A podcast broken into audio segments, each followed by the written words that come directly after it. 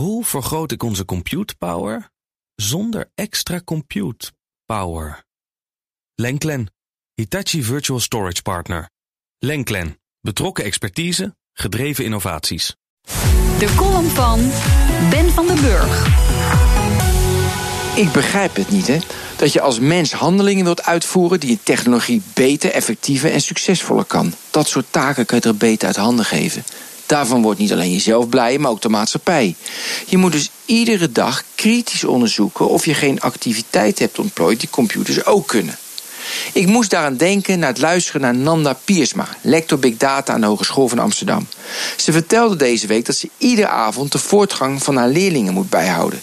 Bij iedere leerling dient ze opnieuw de datum in te vullen. Ze herhaalt dat nog een keer. Voor iedere groep van 30 leerlingen tik ik 30 keer een datum in. Ze vindt dat een onzinnige taak omdat de computer dat beter kan. Er was echter geen ontwerper die bedacht dat de datum automatisch ingevuld zou kunnen worden. Ze kwam nog met andere voorbeelden van de fysiotherapeut en de huisarts die met slecht ontworpen software veel te veel tijd kwijt zijn aan administratieve taken, terwijl ze bezig zouden moeten zijn met activiteiten die een computer voorlopig niet zou kunnen. Het World Economic Forum kwam afgelopen weken met een rapport over de toekomst van banen. Volgens de NOS is 52% van de banen over 7 jaar in handen van robots. Volgens nu.nl creëert robotiseren in de komende 5 jaar 58 miljoen nieuwe banen. Wij mensen hoeven steeds minder repeterende, eenvoudige en geestdodende taken uit te voeren. De Homo sapien kan steeds meer zijn inlevingsvermogen, creativiteit, kritisch denken, overtuigingsmechanismen tentoonspreiden. Iedereen blij en gelukkig. Denk je dan?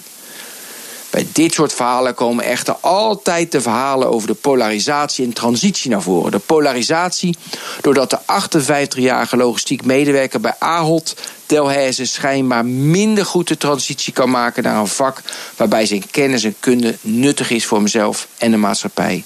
Daardoor krijg je een tweedeling tussen de zinvolle en de nutteloze mensen.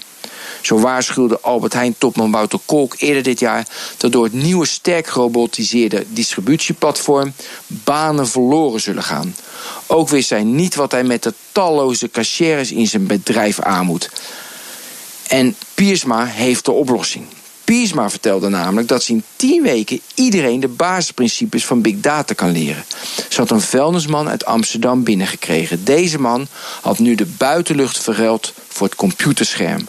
Of de ex-vuilnisman daarmee zijn menselijke eigenschappen ten volle benut, is echter de vraag.